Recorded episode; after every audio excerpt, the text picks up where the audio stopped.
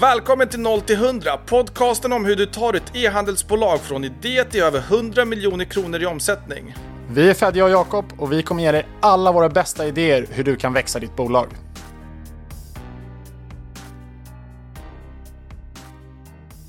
Varmt välkommen tillbaka till ett nytt avsnitt av 0 till 100. Idag så tänkte jag och Fedja att vi ska prata lite om hur man ska tänka runt produktutbudet för ett direct to consumer varumärke. Något som vi finner oss i diskussioner i allt oftare, både i de varumärkena vi själva är djupt involverade i och i några av dem, med några av de kunderna som vi jobbar. Så eh, vad tänker du att vi ska börja någonstans Fedja? Nej, men jag tänker att en av de största misstagen som ett D2C, nu pratar vi ändå 0 till 100, som podden heter, kan göra är att direkt efter att man har haft sin one hit wonder, för det är ofta en produkt eller en SKU eller någonting i sortimentet som tar fart gör med att man kanske har influencer marketing eller paid social eller Google Ads till någon produkt som verkar gå väldigt bra. Så tänker man att man kan vifta med ett trollspö så kommer allt annat gå bra. Så att man går alltid ut i tankarna och tänker vad ska vi utveckla, hur ska vi göra nästa produkt? Istället för att tänka på sin core business. Och det är ett, det är ett jättevanligt misstag. Och nu har vi ramat in det. Jag tänker någonstans kan vi, hur ska vi lösa det här? Hur ska vi tackla det innan det händer? Och ni som lyssnar, många av er har hört av er och vissa är i startgroparna någonstans vid miljonen och några ligger där på 50-100 miljoner och sitter i de här diskussionerna just nu. Och det är bra att ha ett par andra jag vet inte, en annan, ett annat take på det. Och jag har suttit i så många diskussioner över åren och pratat med så många av våra partners och vi har, vi har själva begått de här misstagen skulle jag ändå säga. Både, både på våra egna brands, på brands som vi jobbar med, eh, även brands som vi är delägare i. Som, som här, våra brands har gjort det här. Mm. Så att eh, någonstans vill jag dela med mig av, av det här. Och sen kanske vi vill gå in när vi ändå pratar om brand, kanske lite brand performance, hur man hur man gifter de två. Ja, men det låter väl bra. Liksom. Men, jag, jag kämpar ju själv med de här frågorna. Ska jag säga att vi funderar på produktutveckling för Juniper. Mm. Samtidigt så vet vi att Sängkläder är det som säljer absolut bäst om man tittar på marknadsföringen. Och sängkläder står idag, jag vet inte exakt nu de sista tre månaderna, men står för 75 80% ungefär av försäljningen. Ja. Och vi har en rad andra produkter och tittar jag på våra lagersiffror så är några av de produkterna som är värderade mest på lagret det är inte de produkterna som går snabbast. Så att de är extremt slow moving och det tar lång tid att bli av med dem. Och vi mm har under sista, skulle jag säga, 18 månaderna jobbat mycket hårdare med att försöka bortrationalisera mm. SKUs som är långsamma. För att det binder upp kapital. När det binder upp kapital, då finns inte de pengarna i cash. Och när man inte har pengarna i cash, då behöver man antingen låna pengar någonstans ifrån eller eh, resa mera pengar. Och nu är vi inne i en tid där att resa pengar kan vara ganska utmanande. Så att man vill gärna omsätta sina, sitt lager till, ja. till cash istället. Nej, men vi har pratat om det här med cashflow management tidigare i podden och det är jätteviktigt. Så här, har man inte koll på sina siffror, kan man inte omsätta lagret tillräckligt fort så kommer man hamna i problem förr eller senare. Och då som du säger, man måste resa pengar, man blir lite kniven mot strupen. Personal, för, alltså det är inte bra. Så att eh, du behöver ha ett hyfsat bra produktutbud såklart för att ha någonting att locka med. Och det jag brukar rekommendera numera efter att ha begått 15 olika misstag och gjort, gått på mina egna minor det är att man ska fokusera på sin core och så ska man ha add-ons. That's it. Coren är det du marknadsför, det är det som du kör annonser på, det är det som du trycker på överallt. Och det är det som folk i första hand kommer tänka på när de hör, ja men säg under your skin. Vad är Under Skin? Ja, men det är ett hårvårdsvarumärke. Även om det står så här skin and hair care på hemsidan så är det väldigt få människor som ändå köper skincare av, eh, av oss. Och det, man måste ändå vara sån här true to your DNA.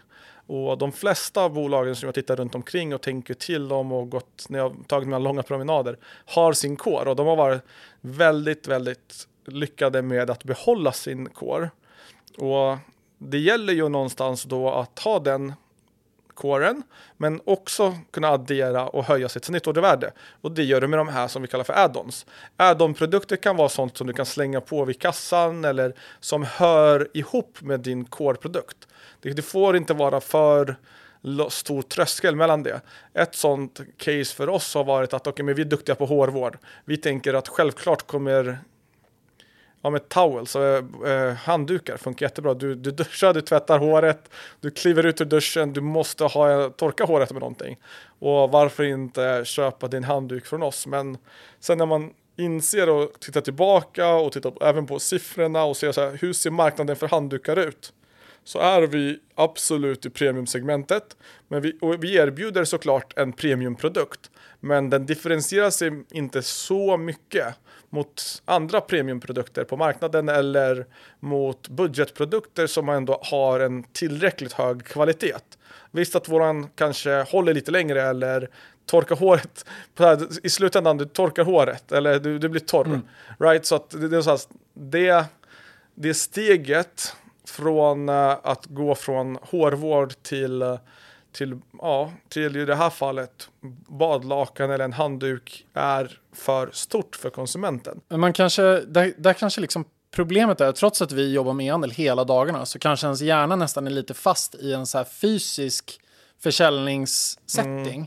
För att man tänker att så här, ah, men då har du sålt schampot och så står du där och så på något sätt så här, det är klart du ska ha handduken också. Ja. Och hade du kunnat eh, guida över video en person genom köpresan på hemsidan och liksom kunnat mer sälja den på ett lite mjukare sätt, då kanske det hade varit enklare att göra. Men i en e-handel när man liksom ett bäst eh, bara kan ha någon så här andra köpte också eller liksom sådana typer av rekommendationer, då är det svårare och det är liksom ett för stort kliv. Och associationen som människor har med Your Skin är ju ändå någonstans eh, liksom, eh, hårvårdsprodukter snarare än textilprodukter. Och då kanske istället människor går till Lexington eller Ralph Lauren eller vad det nu kan tänkas vara för att köpa sin handduk. Och det är inte så här vilken hårvårdsprodukt som helst utan det man associerar med oss är effektiva hårvårdsprodukter. Så har du ett problem så kommer du till Under Your Skin. För det är den typen av marknadsföring som vi har bedrivit. Det är ett fett hår, torrt hår, Eh, ja, men något, något, typ av problem, kliande hårbotten. Nu har vi ett mjäll, antimjällprodukter som,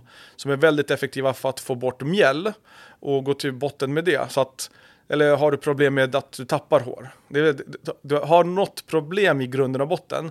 Så att det är den typen av marknadsföring som har fungerat. Det är inte den typen av brand som Anders Skin startade som eller som Anders Skin var när jag klev in i bolaget 2020. Utan då fanns det en drös olika väldigt fina produkter att, mm. att välja och vraka mellan. Men det är den typen av produkt som fungerar bäst på e-handeln. Och det är för att du i annonser kan visa varför den är effektiv eller hur den motverkar fett hår eller sluta tappa hår. Så du kan visa väldigt visuellt som du kanske inte kan i en butikshylla. Så på det sättet så fungerar det bättre som en e-handelsprodukt. Samtidigt kan du inte vare sig se, känna eller dofta konsistensen av vår handkräm eller vår body lotion. Och eftersom den inte har den, den, den effekten på, mm. på kroppen. Ja visst, den, är, den, den, inte, den kommer inte vara uttorkande eller du kommer bli återfuktad. Ja, mm. men det blir du av alla body lotions på marknaden. Det finns inte någon body lotion som kommer säga nej, vår body lotion kommer inte vara återfuktande. För det är ju själva idén med body lotion. Sen att våran är naturlig och organisk och har lite premiumprodukt i alltså bättre ingredienser. Det är inte tillräckligt stor USP för näthandel. Sen kanske det kommer stå sig jättebra i hyllorna och det har vi ju sett när vi har öppnat butik att den kanske konkurrerar mot andra produkter i butikshyllor. Mm. Men just på nätet när vi tänker D2C, när vi tänker brand, när vi tänker e-handel så, så är det den typen av produkt som jag först nämner, alltså våran hårvård som har varit den, det självklara valet när vi gör annonser. Frågan är om det är så att varumärken som i större utsträckning bygger sin marknadsföring runt problem to solution som ni har valt att göra med Under Your Skin, att de eh, kanske generellt har mindre att tjäna på att bredda produktutbudet medan varumärken som mer bygger sin eh, marknadsföring runt lifestyle, om vi då tänker på Mockberg till exempel, ja. eh, att de kanske faktiskt har relativt i alla fall mer att tjäna på att bredda sitt produktutbud för att man liksom bygger upp en aura och Eh, då kanske försäljningen i större utsträckning delar sig över flera SKUs snarare än att det finns liksom en hero SKU som tar en extremt stor del av försäljningen. Nu vet jag för sig att även Mockberg har haft hero SKUs som liksom har, har drivit en väldigt stor del av försäljningen. Men, mm. men ändå, det kanske i alla fall finns någon sån form av relation. Ja, jag tror verkligen det. Och, och, men om vi tar Mockberg som exempel, vi kanske ska bjuda hit Elvira så får hon berätta storyn själv om hur, hur det har gått och vad som har hänt och och hela idén. Så om ni vill lyssna på den och vi ska bjuda hit Elvira så kommentera eller, eller skriv till oss så lovar vi att vi gör det i något avsnitt senare. Absolut. Men eh, ja, bryter man ner många bolag, inklusive Mockberg, så kommer det vara den här 80-20-regeln. Den verkar infinna sig lite överallt. Att 80% eh, av omsättningen står från, kommer från 20% av sortimentet. 80% av succén i marknadsföring kommer från 20% av annonserna. 80% av sajtens någonting kommer från 20% av... Eh, du förstår vad jag menar? Mm, absolut. Trafiken befinner sig på de här fyra sidorna men man sitter och utvecklar hela sajten och försöker förfina allting. Och det, det kanske inte är fel per se, men man ska ändå lägga effort på de 20 procenten då. Om de ändå står för 80 procent. Och vi pratade innan om cashflow. Cashflow är ett stort problem. Och du binder lager, du, du, du binder, du har inte cash till annat. Du måste låna pengar eller ta in VC-pengar. Och inget av dem är jätte, jättebra eh, långsiktigt. Oavsett så späds du ut eller så sitter du där och betalar tillbaka lån. Så det är bra att ha koll på din cashflow. Ett. Men det, det är också så att det tickar ju pengar för att de sitter ju på ett lager någonstans. De kan ha ett bäst före-datum som Under Skins mm, produkter mm, har. Absolut. De kan, eh, det är hyllvärmare kostar ju pallplatser. Så att sitter du inte på ett enormt stort lager själv hemma eller har ett hemmalager så, så har du ändå tagit upp utrymme. Men det är också den, den det är en sak, för då har du placerat bort till något, något annat lager. Det utrymmet tas upp någon annanstans. Men sitter du hemma hos dig och inte får bort det, då kommer du gå förbi de produkterna varje dag och tänka shit, du vet, här sitter en drös med produkter. Hur ska jag jobba med att få bort det? Och då upptar det helt plötsligt huvud, alltså din, din verksamhet i, i huvudet. Och då sitter du och tänker på produkter som står för en liten del av omsättningen. En stor del av ditt hjärnkapacitet kommer gå till det. Och då sitter du och fokuserar på fel saker också. Så att jag tror att det problemet är nästan större än det finansiella problemet. För om din hjärnkapacitet går åt fel håll, mm. då kommer hela varumärket eller hela bolaget också gått fel håll. Men det är någon lustig grej där du säger med, eh, med hur liksom redovisningen så att säga funkar, att det faktiskt kostar pengar att ha varorna också. Ja. Men det är ju så att du betalar ju dina warehousing och logistikkostnader eh, regel, eller liksom ongoing så att säga. Så att ja. även om inte du har sålt den här varan som går väldigt långsamt så betalar du ju för december månad till din 3PL. Exakt. Så att den kostnaden samlas inte någonstans på din balansräkning. Så du har på något sätt redan räknat bort de pengarna. Och de andra pengarna de är bundna i din balansräkning. Men vi på Juniper till exempel, då, när vi bytte så eh, från en fabrik till en annan fabrik, då kunde inte vi sälja våra gamla blåa produkter med våra nya blåa produkter, för det var olika nyans i produkterna. Så det gjorde att vi fick en, en del av vårt lager, cirka 300 000 kronor i inköpsvärde, som inte gick att sälja. Det har legat på vårt lager jättelänge. Nu hade vi en stor uh, archive sale i januari och gjorde oss av med typ två tredjedelar av det. Så att, Bra. Uh, vilket, var, vilket var toppen då liksom. Men det som är så lustigt då, det är att de där 300 000 som har varit kanske ungefär 10% av vårt lager under den här perioden. Om jag faktiskt skulle sätta mig och räkna ut vad det har kostat att ha det liggandes på lagret, då skulle inköpskostnaden för det över de här tre åren vara helt astronomiskt. Ja. Uh, vilket liksom är, vilket är på något sätt så här, det går missat för att det inte fångas upp i redovisningen och istället har det bara sett ut som sämre produktmarginaler genomgående alla månader under tiden de har legat där och värmt ja, jag fattar. hyllorna. Och så är det ju, så att det, du har, det, det är fel på så många nivåer mm. att sitta där på, på ett lager på, av produkter eller på ett sortiment som inte säljer i tillräckligt snabb hastighet. Och vad är tillräckligt snabb hastighet är ju nästa stora dilemma, för det är liksom hur, hur långt är ett snöre, brukar jag säga. Mm. Hur snabbt ska man omsätta lager? Och vissa, vissa gurus säger att du måste omsätta det varannan månad. Och det kanske är sant i, i viss, vissa branscher, i vissa storlekar och så vidare. Någon annan säger ja, men var fjärde månad, var sjätte månad, var tolfte månad. Så att det är helt beroende på vilken bransch man är i. Men det är klart, desto snabbare desto bättre. I de bästa casen, jag var på lunch med en, eh, med en kille häromdagen, de hade omsatt sitt lager innan det ens hamnade hos dem, i mm. sitt eget lager. Så att deras distributör hämtar direkt i fabriken då som befann sig i Kina betalar de upfront hälften och sen hälften efter leverans. Så att deras första halva kunde de använda för att, som prepayment till fabriken och det var ju hela kanske betalningen, jag vet inte, men säg att det var det. Och sen den andra halvan var ju bara pure profit.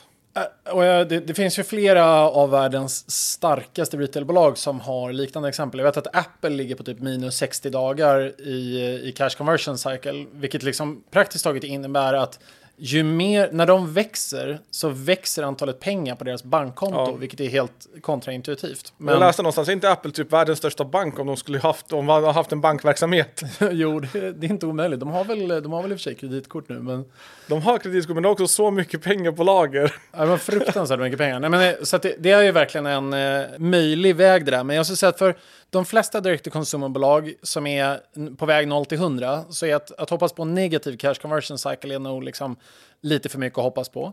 Jag skulle säga att ett tips från mig, en bra KPI eller, vad man ska säga, eller en bra struktur för att få ner igenom det där, det är någonstans att du måste tänka på din minimum order quantity.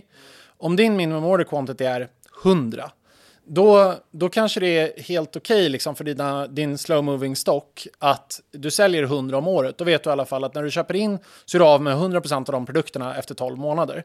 Och det vill du inte ha som snitt för din, ditt produktutbud, men det är kanske okej för några produkter som går lite långsamt. Men om det är så att du måste köpa in 400 av någonting och sen säljer du bara 100 om året, då är du ju per definition fast med det där i nuvarande försäljningstakt i fyra år. Ja. Och det är för lång tid. Då är liksom den produkten borde inte finnas på hyllan, utan då måste du bara säga att när den produkten väl tar slut eller du väljer att, att gå ut med liksom någon discount för att bli av med den, då ska du inte reintroducera den produkten, utan då ska du fokusera de pengarna på någonting annat. Så jag tror att just det där att tänka på hastigheten du säljer relativt in minimum order quantity på just den produkten är liksom en bra sätt att börja fundera på hur snabbt du kan bli av med ditt lager. Men efter en archive sale på Juniper då, tänkte du inte någonstans att borde vi inte banta ner lagret istället för att göra tvärtom? Jo, jag, kan, jag kan men, tänka mig ändå eh, någonstans att Matilda sitter nog säkert på, på kammaren och jobbar ju med det här hela tiden, tänker på det här hela tiden. Så hon måste hela tiden ha nya idéer om vi borde utveckla det här, vi borde ta fram det här, vi borde göra en bättre handhållen för, för tvål eller Absolut. någonting annat. Hon sitter ju och tänker på brandet och produktutvecklar säkert. Och någonstans så, så ser man ju också att okej, men om, om 70-80% som du sa där kommer från sängkläder, är det inte bättre att fokusera 70-80% av din energi på det som omsätter 70-80%? Förstår du hur jag tänker? Jo, men 100 procent. Jag, jag tror att det är liksom, jag, jag slåss lite med den här frågan själv. Och vi pratar absolut om produktutveckling som går bort från core. Trots att alla produkter som är utanför core säljer långsamt. Vilket är en, vilket liksom är ju fel på ett sätt per definition. Men samtidigt så är det ju en fråga om hur man vill göra varumärkesförflyttningarna. Jag skulle säga att liksom, vi vill ju att Juniper ska bli lite mer lifestyle. Vi skulle gärna vilja att vi blev typ ett eh, Ralph Lauren Home om, eh, liksom, om du drar ut snöret 25 år, att, att det liksom finns mera grejer. Och då är frågan, när gör man det? Och, och då kanske vi egentligen är lite för tidigt i resan för att liksom introducera allt för mycket komplexa produkter, men någonstans ska man ändå börja den där resan om man vill ta sig åt det hållet. Men sen håller jag 100% med om att skulle det vara så att vi tittar på direct to consumer som den huvudsakliga kanalen, men då borde vi nog inte egentligen introducera oss där jättemycket. Då skulle man kanske istället titta på att introducera flera storlekar av sängkläder för att sänka barriären mot människor som har udda form på sin madrass eller konstiga kuddar. Eller liksom, för det märkte vi nu i archive-salen att för där hade vi en hel del engelska och tyska storlekar. Men vi hade bara archive-salen mot Sverige, men de sålde ändå. Men det är klart att det är väl för att så här, ja, men det är någon som har råkat köpa tyska kuddar någon gång och så hittar de aldrig tyska örngott i Sverige och då helt plötsligt fanns det hos oss. Och då sålde vi en del sånt. Sen är det klart att de svenska storlekarna säljer bättre, men Ja, men jag har också sådana tyska kuddar. Alltså det är så här, man har köpt kuddar någonstans på nätet för att Ja, och sen har man sig till dem. Ja, det, det stämmer ju. Så att jag hade ju fokuserat på det. Kanske inte udda storlekar, men hade man gått in i Tyskland så måste det ju Tysklands anpassa storlekarna såklart. Eller som du säger, UK och sängstorlekarna verkar variera för vilket land du kommer till. Lite, lite nackdel för internationalisering. Men, men hade jag ägt Juniper, och nu gör jag ju inte det, men mitt godaste råd är liksom produktrelation, ta bort allt. Så här, bort med tvål, bort med saker som är hyllvärmare. Inte bort med kanske handdukar, för jag kan gissa att ni säljer alltså en del handduk. ja, jo, Det är absolut. ändå hemtextil. Eller, det- visst, det är hemtextil. Problemet med handdukar är ju det här som jag sa i början, det är konkurrensen och att det är, det är väldigt, väldigt svårt att sälja det i, med annonser. Mm. Det har visst, ni säkert testat, vi har testat, det, det typ går inte. För det är så svårt att differentiera. Du kan inte säga att du blir torr snabbare, eller du, du blir, det är skönare. Vi, vi har försökt att påvisa absorptionsförmågan, men det är bara en sån här, det, det är som att man försöker lösa ett problem som ingen har. För Nej. ingen har någonsin använt en handduk som de inte kan torka sig med. Typ. Ja. Alltså det är klart, någon gång har man gjort det, men då är ju verkligen handduken katastrof. Men oavsett om du köper din handduk på H&M eller på Ralph Lauren så kommer du bli ganska torr med den handduken. Så det, liksom, det är inte ett problem. Och då är det lite så här mjukhet, men jag tror att till skillnad från sängkläder där många människor öppnar paketet och får en wow-upplevelse första gången. Det får man inte på samma sätt med handdukarna, utan de är närmare liksom en konkurrent i en lite billigare prisklass. Ja. Vilket skapar då liksom en så här, blir inte heller lika kraftig word of mouth, även om det är en, en eh, superpremiumprodukt. Mm. Det kan väl till och med skada varumärket långt. Alltså, köper jag, om mitt första köp av Juniper är handdukar och jag inte får en wow-upplevelse, jag får en wow-upplevelse, men fan det fick jag från Hemtex också. Då kan nästa köp, när jag ska tänka på sängkläder som är ett större köp och ett större inköp, för jag har fler sängar hemma. Och jag kommer ju behöva spendera mer pengar på sängkläder med anställning än handdukar. Då kanske det hamnar hos Hemtex, för jag tänkte äh, det var inte så stor skillnad. Nej, absolut. Nej, men det, är, det är ju verkligen en, en verklighet vi lever med. Och sen har vi det här, vi har ju rört oss då till, som du påpekade, tvål och handlotion, doftljus. Eh, och där har man ju ett problem att det är en produkt som lämpar sig ganska väl möjligen för att sälja till tredjeparts retailers eller sälja i fysisk butik. Men vi har ju bara än så länge en doft och det är också helt hopplöst då när du vänder dig till retailers för det är ingen som kan bygga en hylla i en butik med tre produkter som står bredvid varandra. Liksom. Du, du hamnar någonstans i bakgrunden. Man skulle behöva liksom kunna fylla upp det där med 40 olika produkter och, och det är vi inte ens nära att kunna göra utan då är det snarare att expandera sängkläderna. Så det kanske istället för att eh, ta in konstiga storlekar, det kanske är snarare att introducera mönster och, och andra färger liksom som Jag, jag ser inte det här som en negativ grej mot er eller Juniper. Jag menar, Anders Kind introducerade doftljus för ett år sedan.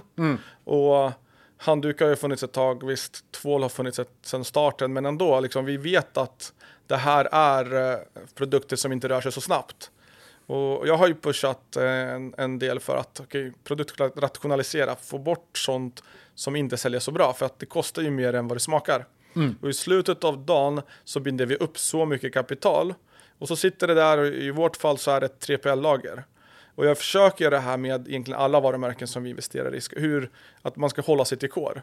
Nu var det ett annat varumärke som vi jobbar med som jag inte har investerat i som har en superbra core, jättenisch, bra, växer tydligt och så ska man ge sig in i en helt annan bransch. Eller den, den här lunchen vi hade, jag du gemensamt med ett framgångsrikt svenskt e-handelsvarumärke som har vuxit över 100 miljoner och som tänker att Nej, men vi ska också göra det här, accessoarer för det här. Och jag tänkte, shit, det är så långt ifrån det ni säljer idag att det kommer ta tid att bygga upp. Och jag kan tänka mig att då sitter ju ett stor del av teamet och fokuserar på det, så kärnverksamheten måste gå dåligt. Och du vet, ett år senare så går det faktiskt sämre. Så att det, det är sådana cases som har fått mig i alla fall att tänka till och, och det är därför jag vill spela in den här podden med dig och pr här, prata högt om det. För jag tror att som entreprenör så har man det här brinnande drivet i blodet. Man vill produkter, man vill lösa problem. Och jag såg på Shark Tank häromdagen där en ung entreprenör, e-handelschef för den delen, ha- skulle lösa sitt eget problem, vilket är han sitter mycket i Excel och trycker mycket på copy-paste. Låter som jag. Han sitter, det låter som du. Eh, ja, det kan jag. Alltså, en, en yngre version av Jakob. Eh, jag tror att du skulle ha löst det här på ett annat sätt, men hur han löste det då? Ja. Han eh, tog fram ett copy-paste keyboard som bara har två knappar som är copy och paste. Som du kan plugga in till eh, din dator och så har du copy-paste separat utanför ditt vanliga keyboard som du bara kan klicka på hela tiden. Jag satt och tänkte så här, shit, du har verkligen löst ett problem som folk inte har. Jo, men han säger, ja men kontroll och V är så långt ifrån. Alltså kontroll och C, kontroll och V. Jag har fått lobster hands med att, genom att klicka på kontroll C, kontroll V. Oj, oj, oj. Ja, du har Ah. löst ett problem. Och han fick en viralitet i att han fick 20 miljoner visningar på TikTok. Massor av order att för- förfylla för att andra tyckte det här var en rolig grej att ge bort säkert. Och sen pladask. Och så går han till Shark Tank och folk bara this is a crap, useless crap product. Ja, det måste jag verkligen säga. Jag tycker det låter helt, eh, helt meningslöst. För det första har jag aldrig upplevt problemet att trycka på, på Ctrl-C. Liksom. Jag tycker inte att det är så svårt. Men för det andra så finns det ju garanterat mjukvaruapplikationer som du kan installera på din dator och omprogrammera någon random knapp som du aldrig använder på tangentbordet och säga att det här får vara Ctrl-C istället. Liksom. Jag har ju det på mitt Mac-tangentbord för att jag saknar F2 från eh, Windows och, eh, och F4 för den delen. Så jag har ju programmerat två knappar på min Mac-dator att fungera som F2 och F4 eh, just när jag sitter i Men Excel. exakt, det finns det. Alltså, du behöver inte ens en random app. Det finns inbyggt i din mjukvara på din dator. Så det kan verkligen okej, använder du inte den här knappen, använd den som copy-paste. Den kan ju både göra då, du kan ha en copy-paste-knapp, du behöver inte ens trycka på Ctrl-V, du behöver inte ha två knappar för dig, bara en copy-paste. Samma knapp knappar. kan göra copy, copy, både så här, copy och paste. Så att den vet ju om du har kopierat någonting, då pastar du. Trycker du på någonting så ska den kopiera det. Så att säga, den kan göra varannan.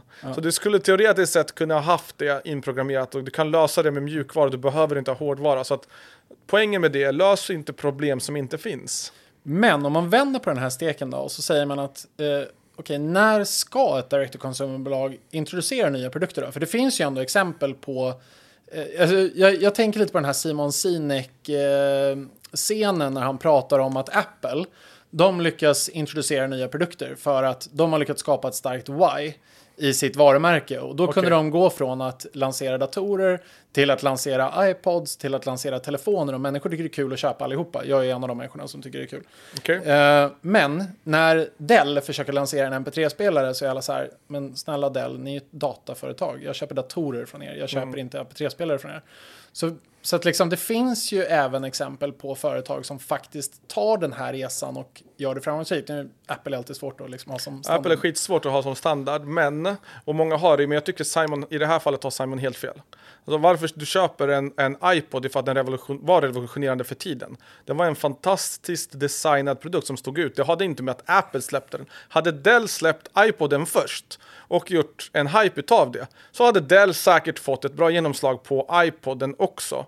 Så att, och samma sak med iPhonen. Det, det är som, varför, varför lyckas Xiaomi nu? Xiaomi är ett kinesiskt bolag som kopierar Apple. Och nu släpper de en bil. Liksom, när jag såg det så är det en kopia på Porsche. Alltså de har ställt dem sida vid sida. Det är exakt samma bil som Porsche är. Så varför lyckas Xiaomi och inte alla andra? Jo, för de släpper fantastiska produkter som fungerar till ett hyfsat billigt pris. Och det är därför Apple lyckades med iPoden och iPhonen för att det var fantastiska, i grund och botten fantastiska produkter som revolutionerade en industri. Och de satte ett bra marketingexempel bakom det, de fick mycket PR bakom sig och sen har det bara rullat på. Du vet, iPhone 16 eller 15 eller vad vi är inne på nu är ju inte vare sig revolutionerande eller banbrytande på något sätt. Det är länge sedan iPhone tappade flags, deras flagship var helt unika eller, eller kom upp med nyheter. Men ändå fortsätter folk köpa det. Nej, absolut. Men jag vet inte. De är ändå, jag skulle vara ganska benägen att köpa en tv om de skapade en tv. Jag skulle vara ganska benägen att köpa en bil probably om de skapade en bil. Så att liksom, de har ändå någon, de har ändå byggt upp någon form av aura runt sig att om den är banbrytande, som Vision Pro, den är verkligen det är någonting annorlunda. Vision Pro som de släpper nu är helt annorlunda från det som finns på marknaden. Så de är banbrytande i framkant på någon, i en ny teknologi och gör det lättillgängligt så att alla kan använda det på ett, med ett interface som faktiskt funkar. Andra har ju gett sig in i det här. Facebook har sin Quest, eh, eller Microsoft har sin. Så att de, det finns ju andra stora techbolag som har försökt, men varför? Ja, nu har jag inte testat Vision Pro, men det verkar som att Vision Pro är bättre. Och, och den edgen kan de behålla säkert ett tag. Det vill, vill till att den är bättre med tanke på att den, den kostar väl typ 35 000 eller något sånt där att köpa. så att vill till att det är en, en bra produkt. Ja, det, det är säkert en revolutionerande produkt, men att den är, alltså jag, så här, den, är, den är säkert inte bra för att vadå, batteripacket som du måste bära med dig väger två ton. Det känns som en, en telefon på 92 du vet, när du skulle släpa på en, nu var inte jag den person som släpade, men jag har ju hört stories när du skulle släpa på en hel eh, Box, liksom, box för- liksom, för att ha med dig telefonen. Men eh, har vi några andra exempel då? Apple är ju alltid här svår, svår grej att titta på. Men har vi några andra exempel på bolag som faktiskt har på ett framgångsrikt sätt lyckats eh, bredda sig bortom sin första core-produkt? Alltså, typ, vi pratade om Arca här för någon podd sen till exempel. Och de lanserade ju nyligen en, en eh, vattenkokare det va? Som, jag, som har, åtminstone ser den väldigt snygg ut. Jag har inte testat Ja. den produkten heller, men jag har sett den i, i reklamer. Och liksom, de, eh, utan, att, utan att kunna det här bolaget innan och utan, så de har ju gjort sig, eller växt sig ganska stora på sina kolsyremaskiner. Och nu var det väl säkert så att de satt och funderade på, okej, vad är nästa liksom, barriär för oss? Eller hur, hur hittar vi nästa S-kurva? Och så har de bestämt sig för att ta fram den här vattenkokaren, eh, som åtminstone på ytan ser väldigt snygg ut. Är det liksom en Vad, vad tror vi om det? Är det? Kommer det bli framgångsrikt? Nej, men så här, ja, jag gissar att det kommer bli framgångsrikt i och med att det, det är en, ban, det är en banbrytande i sig. Det är designteknologisk produkt. Den är i framkant i design. Du tyckte uppenbarligen den var snygg. Mm. Och det tillhör målgruppen. Ung, hyfsat framgångsrik man. Ung i alla fall. Det är så här, du ska skratta åt det, men det, det är sant. Du är ju målgruppen. Om, om du Ja. tycker att den är snygg så kommer du...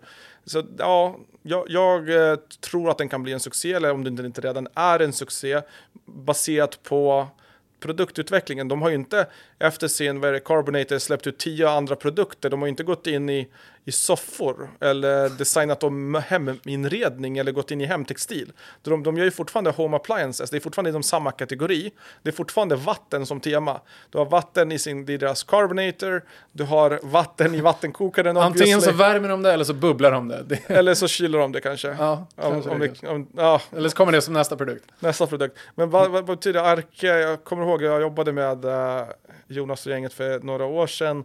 Det betyder ju någonting på samiska, om det är enkelt eller stilla eller ja, det var någonting. eh, Och så här, det ska rena former, rena linjer. Stilla hade varit för sjukt om det, om det betyder när man har bubbelvatten. Ja, men det var, det, det är ett, eh, det var så här, ett fint namn, enkelt att komma ihåg, bra jobbat och det är samma, jag skulle säga att det är samma linje med vad de har gjort tidigare. Det finns bolag som har lyckats och så här, tittar vi på större bolag, traditionella bolag, old school-bolag, Philips är ett sånt. Så här, de har ju gått från allt, de gör ju allt. Så här, de har gjort eh, det, sjukvårdsutrustning. Ja, de gör, det är ju en ganska stor division för dem. Var exakt, det är en jättestor division för dem. Så här, när du kommer in i eh, så här, operationssalar så har de eh, en stor del av deras utrustning där. Samtidigt som de finns på köksbänken hemma hos vanligt folk. De har tv-skärmar som de också är en ganska stor avdelning. Hem, smarta hemprodukter. Så de har ju gått in i högteknologiska produkter, medicintekniska produkter, du vet, vanliga retail eh, stores, eh, lite allt möjligt har de, har de gjort och de har gjort det framgångsrikt. Deras case är att de har många olika divisioner. Så varje bolag opererar som sitt eget. Philips Hue till exempel, där, där min lillebror har jobbat, det är ju ett eget bolag. Signify äger Philips Hue. Även om det är Philips som äger Signify med all sannolikhet. Nu har jag inte kollat upp det här. Men, men Signify har jag aldrig talas om. Nej, men- det är bolaget som äger varumärket Philips Hue. Som, sä- som Ja, distribuerar eller säljer det. Och i, I det caset så är deras fokus är Philips Hue-produkter. Ja. De har en säljorganisation, de har en marknadsorganisation, de har en core, de har siffror, de har allt för den typen av produkt. Och den omsätter ju säkert miljarder eh, varje år med tanke på hur lillebrorsan jobbar. Jag har en sån här uh, LED-list installerad i mitt kök hemma. Den var där när vi flyttade in. Så jag kan göra rosa i, i köket om jag önskar. Ja, Men- ja, de är bra produkter. Jag vill säga, de har diversifierat. Det finns olika avdelningar, olika bolag för varje grej. Alla fokuserar på sin core. Jag vet att Philips Hue tillhörde Mm. Philips Home Appliances tidigare. Och sen bröt de loss det. För att de såg att det här finns det en stor potential. Hur bolagiser- bolagiserar vi det här? Har en egen vd, egna chefer, egen säljkår, allt in-house. Så att det drivs som ett eget varumärke. Och tittar vi på andra stora bolag, bara så här, i en retail store, tänker vi på Grumme så tänker vi på en sak. Går vi till Yes så tänker vi kanske på diskmedel. Har vi Ariel så tänker vi på tvätt. Varför har inte Yes gjort någonting för tvätt kan man tänka sig. Varför håller de sig inom disk? Sen så här, varför när du tänker på OLV så tänker du på chips? Och det är typ, det, varför håller de sig i det segmentet? Det längsta de har sträckt sig till är dippen till, gör de ens det? Jag vet inte. Men Jo, det gör de. Om de gör dippen till chipsen. Så det, och det är verkligen så i en butik. När du tänker på GB så har de sin GB-glass och sen distribuerar de den i hela världen, eller i hela Europa i alla fall. Så att det är inte som att de går ut och säger "Nu- nu ska, vi, nu ska vi göra det här bara för att vi kan, för att det är en frysprodukt. Då kan vi också göra frysta köttbullar. Nej. Nej, men jag, jag håller med om att det, det finns mycket bolag som är specialiserade. Men jag tänker om man, om man liksom... Det finns ju också ganska många exempel på bolag som inte är det. Som vi, om eh, jag refererade till Ralph Lauren till exempel att eh, liksom Juniper skulle bli som ett Ralph Lauren Home. Och då är nog bara Ralph Lauren Home en, en del av Ralph Lauren. Absolut. Men tänker du på Ralph Lauren som klädvarumärke till och med så är ju de bland de mest diversifierade klädvarumärkena som existerar. De har sportkläder med färgglada pikéer, de har skidkläder, de har badbrallor, de har svindyra smokingar och allt däremellan. Ja, men de har också olika bolag. De har också bolagiserat enheter. Ja. De har så här Red Label, li Purple, Purple Label. Label. Ja. De har sina olika bolag. De har den här Polo. Så där Polo drivs ju som ett eget bolag med egen vd, egen chef, egen division, egna butiker. Så när du går in i Ralph Lauren Polo så kommer du inte se de här svindyra smokingsen. Nej, nej, nej, men det är fair. Eller Eh, Home som drivs som en egen. Eh, Så att det är, de flesta väl- gör ju det. Sen är väl eh, just kläder, och även om man tänker på direct to consumer-bolag, om vi tänker på ett eh, Asket då, till exempel, som vi pratar om ibland, så de har ju ett relativt brett produktutbud. Alltså inte, inte jättebrett, men ändå relativt brett produktutbud. Men samtidigt, där är det väl möjligen så att man kan tänka sig att människor kommer in i varumärket. Alltså jag har Mm. säkert, jag vet inte, jag har nog 30 plagg från Asket. Oj, Eller 25 kanske. uh, uh, Fanboy. Ja, men liksom, jag, har, jag har många, eh, alltså, de här jeansen, t-shirten, nej jag har inte på mig t-shirt idag, jag har allt på mig skate-t-shirtar annars. Men, eh, och det är väl någonting så här att eh, om man väl fastnar in i ett varumärke så, då är det ganska bra att ha det och det kanske passar just i kläder. Men det kanske inte passar lika bra i många andra nischer där det inte är lika uppenbart att man behöver köpa allting på samma Men ställe. vadå, skulle Asket släppa handdukar eller badrumsmattor eller någonting annat som också är textil? Istället för personlig textil så är det hemtextil. Jag tror inte du hade köpt Nej, jag hade det aldrig köpt den. Nej. Så att där, där, där är nog den differens. Det är klart att är du inom kläder så är det, men även inom kläder, ska du slå in inom kläder idag, för Askets räkning så hade jag sagt så här, gör som True Classic gör. De gick in på t-shirt och gjorde en världens bästa t-shirt som passar, andas och, och är schysst pris. Och så maxar de mak- marknadsföringen och växer som attans på så här simpla t-shirtar. Asket är ett bra bolag, ja, håller med. Men det är inte ett True Classic. Nej, det är det absolut inte. Men Och- det är inte så många bolag som är True Classic. True, True Classic, för de som inte vet då, de har ju växt till typ storleksordningen 2 miljarder på fyra eller fem år utan VC-kapital. Men det finns en, och de bolagen som har gjort samma resa, tittar vi på Brooklinen som ändå är någonstans inspiratorn till bakom, bakom Juniper, Mm. Ja. så var det också sängkläder som drev det. Ja. Sen har de blivit mera när de, när de växer. Kasper.com som växer inom, som de säljer sängmadrasser, bara sängmadrasser, gjorde det jäkligt bra till dagen. Sen började de sälja, öppna retailbutiker och, och sälja sängar, fulla kompletta grejer. Så att tittar du på de bolagen som har gjort de resorna, till miljarden så har de varit superlaserfokuserade. We are wild, deodoranter. Man skulle kan tänka sig att ett deodorantföretag skulle släppa massa olika grejer. Men de, nej, vi kör deodoranter och så kör vi det. Kul måltidsersättning som vi jobbade med tidigare. Eh, Det är ett fantastiskt bra alltså startup case där du bara växer så det knakar för att du har fokuset på rätt plats. Och så tar du erövrar du länder och, och marknader istället för produktkategorier. Bredda på rätt sätt tänker jag. Ja, nej, men jag, jag, jag håller nog med. Alltså det, det, framförallt då, om man säger att det är, om det är miljarden i USA så kanske det är 100 miljoner strecket i alla fall i Sverige. Att liksom man, man ska i princip kunna eh, hitta ett sätt att ta sig till 100 miljoner med relativt smalt produktutbud och istället fundera, för, för det är också så att produktutveckling tar sjukt mycket tid. Bortsett Ja. från att det binder kapital så är det Exakt. väldigt krävande för hjärnan att fundera på, är det här bra, är det här bra? Nya leverantörer, ny paketering, nya problem med logistiken, någonting går sönder när du skickar Ja. ut kund. Alltså det är, det är en hop av nya problem när man introducerar nya produkter. Vi kan gå vidare från det. känns som att vi är eniga. Även om Juniper har gått åt det hållet med produktutveckling och inte produktrationalisering. Och även om Jandioskin har gått åt samma håll. Så att eh, vi- vi, sitter här och preachar saker som vi själva inte har genomfört. Men det är också för att vi själva har upp, upptäckt problemen med att ha, göra det här på, det på det här sättet. Och när, när man diskuterar det så här, det här blir som en diskussion för oss också. Vi lär oss av varandra. Och så kommer vi troligtvis göra förändringar i vår verksamhet och Juniper kanske gör förändringar i sin produkt eh, fram, eh, framöver. Så att så här, det här var en, lite av en wake- wake-up call för mig när jag tog en promenad för några veckor sedan. Men jag har såklart pushat för det här en, en längre period. Men nu har det varit så uppenbart att man ska egentligen kapa allt. Nej, Och men bara köra, kör din core och så kör du add-ons. Och vad är add-ons? Jo, saker du kan bara slänga in som faktiskt gör nytta, som kompletterar din core. Säljer du, sängklä- eller säljer du sängar så är inte sängkläder din add-on. Utan det kanske är någonting annat som rengör eller håller rent sängen i sig som är din add-on-produkt som är solklar.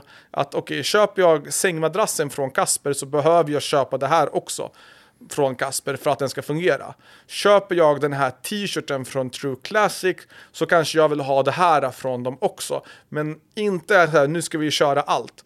Jag har eh, en, en stor influencer-kollega i branschen som, som har ett fame, alltså bra varumärke som säljer. Och när vi gick in och tittade i, i hennes produktsortiment, vad är det som säljer? Så är det i princip en sak behöver inte nämna vad det är för sak, för då identifierar man varumärket på en gång. Ja. Men min, min rekommendation var slopa allt. Du vet, slopa eh, allt annat, sälj det här och gör det här så bra så kommer vi det här varumärket kunna växa 100 plus miljoner på bara den här lilla produktkategorin. För all marknadsföring, allt du gör, allt kommer koncentreras ner till det här.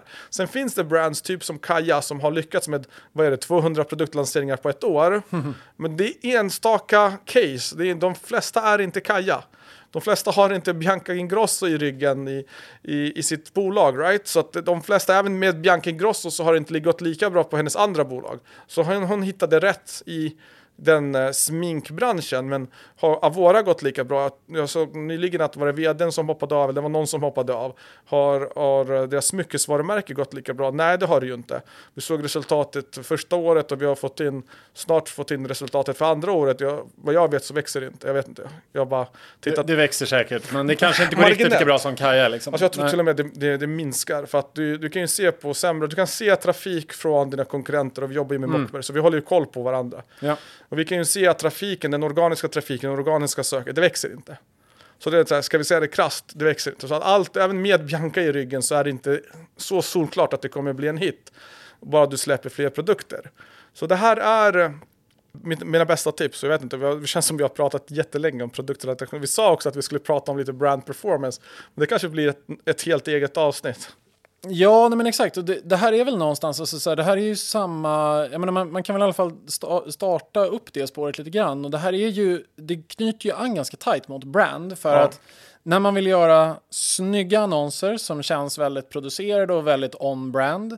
Samma person vill ofta bredda produktutbudet och liksom bygga någonting som är väldigt stort och brett. Eh, medans åt, åt andra hållet liksom så är det ju att man gör annonser som är väldigt tydliga, de löser gärna något problem och vi vet ju också att om man har en hemsida med en produkt helst, då tenderar den hemsidan att få väldigt bra konverteringsgrad. För att man löser en mm. grej och det finns bara en väg att ta på den hemsidan. Antingen så lämnar du eller så köper du. Mm, mm. Eh, så att, det blir inte mixat. If you confuse you lose brukar jag säga. Exakt. Så här, blir du förvirrad och inte vet vad du ska jag, jag skulle köpa någonting, alltså så här, Tesla-accessoarer till bilen och så här, det fanns så mycket accessoarer så att det slut, jag hade mina, jag visste vad jag skulle köpa. Jag la det i varukorgen. Jag vet att jag ska resa på söndag. Jag behövde verkligen det. Mm. Men sen såg jag shit, de har också caps, de hade också en t-shirt och det var så här, oj, vänta, låt mig bara titta på det. Sen gråter ungen gå och ta hand om ungen.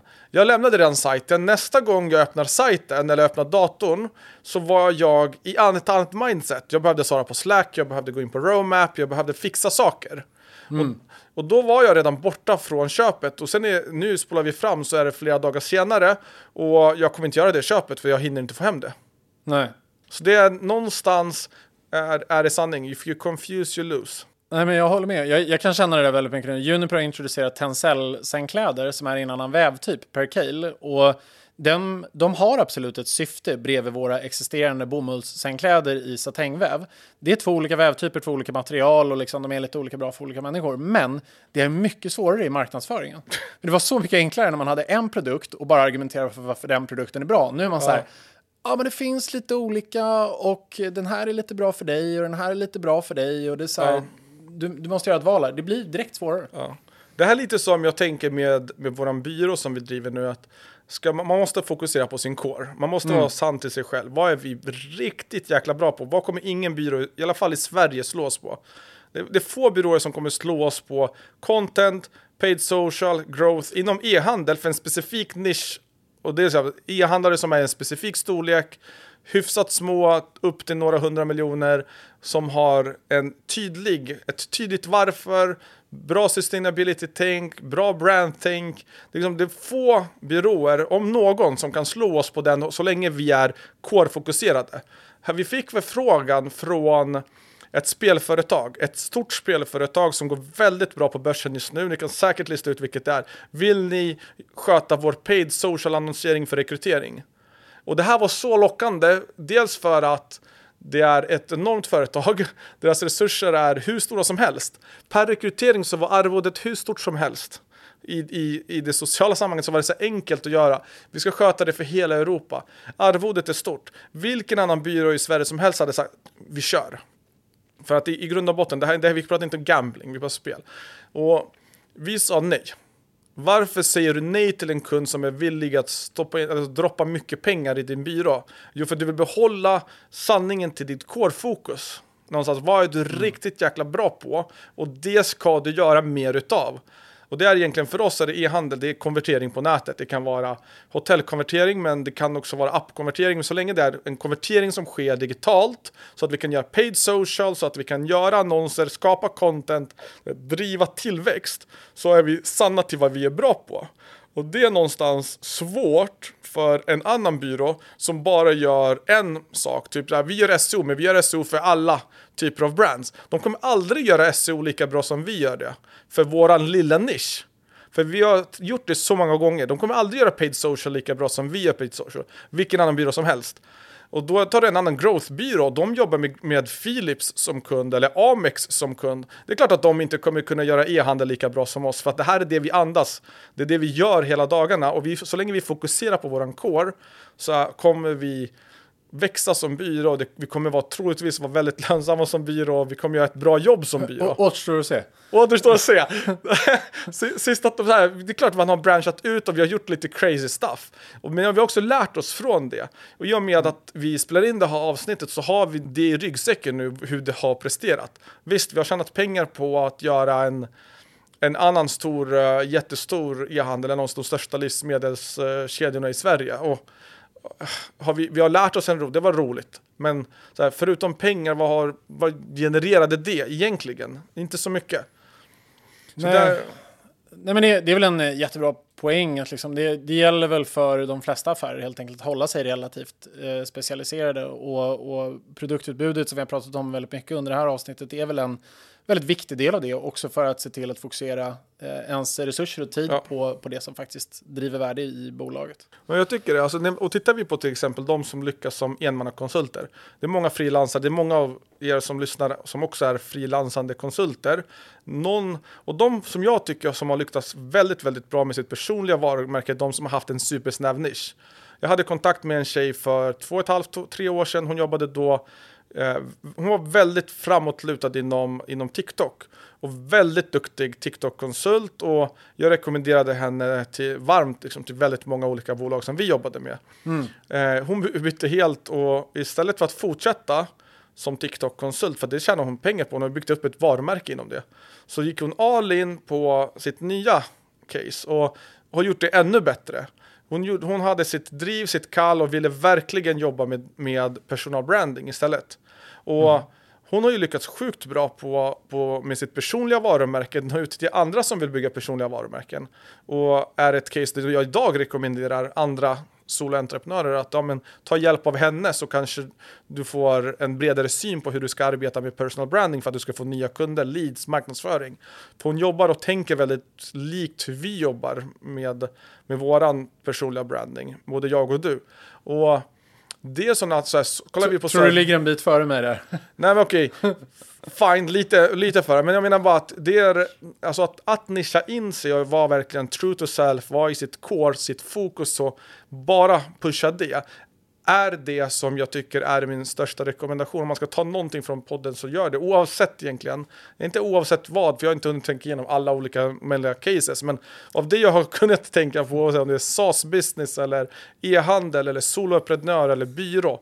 Core, core, core och bara true to self, pusha de sakerna och sen har du add-ons. Add-ons för Probus Group är vår management services eller att vi har styrelseservices där vi kanske sitter i styrelsen och hjälper andra bolag. Eller det är egentligen inte våran core, men det är någonting som vi alla tycker, eller i alla fall jag och du tycker Mm. är väldigt, väldigt skoj och hjälpa unga entreprenörer och komma med stöttning och strategiska höjden och rådgivning. Så att så här, ska man ta in en, eh, en styrelseperson och behöver guidning inom e-handel så kan man höra av sig till oss. Fan, det blev reklam helt plötsligt. Men du fattar vad jag menar, det är vårt add-on. Medans vår core är, vi måste stay true till att vi är duktiga på growth hacking för D2C-brands som vill skala 0 till 100 plus miljoner. Väldigt fort ska de vilja göra det. Där, där, gör vi det bäst. Exakt. Men eh, ska vi sätta paus där för idag då kanske? Det har varit ett eh, långt avsnitt, men bra, bra avsnitt om, om ett av de största fallgroparna eh, som vi ser inom D2C och inom så här brandbuilding överlag. Exakt. Så att, eh, stort tack för idag. Tack själv Jakob. Hoppas att eh, ni som lyssnar har fått med någonting och glöm inte som vanligt likea, prenumerera, eh, följ oss, kommentera, fan sprid den här podden. Alltså vi är så taggade på att göra den här podden och vi gör ju den för er. Som ni hör, vi är inte sponsrade, vi har ingen reklam vi kommer inte ha någon reklam. Så in fan, dela det här, skicka det här till, din, till dina kollegor. Tack för idag. Hej! Tack för att du lyssnat. Vi är tillbaka nästa gång för att berätta om våra tankar om vad som händer i e-handelslandskapet och med våra senaste tips hur du kan växa ditt bolag och bli mer lönsam. Och om du gillar det här avsnittet, dela det med en vän och ratea gärna podden med fem stjärnor och följ oss där du lyssnar på podcast så att du inte missar nästa avsnitt.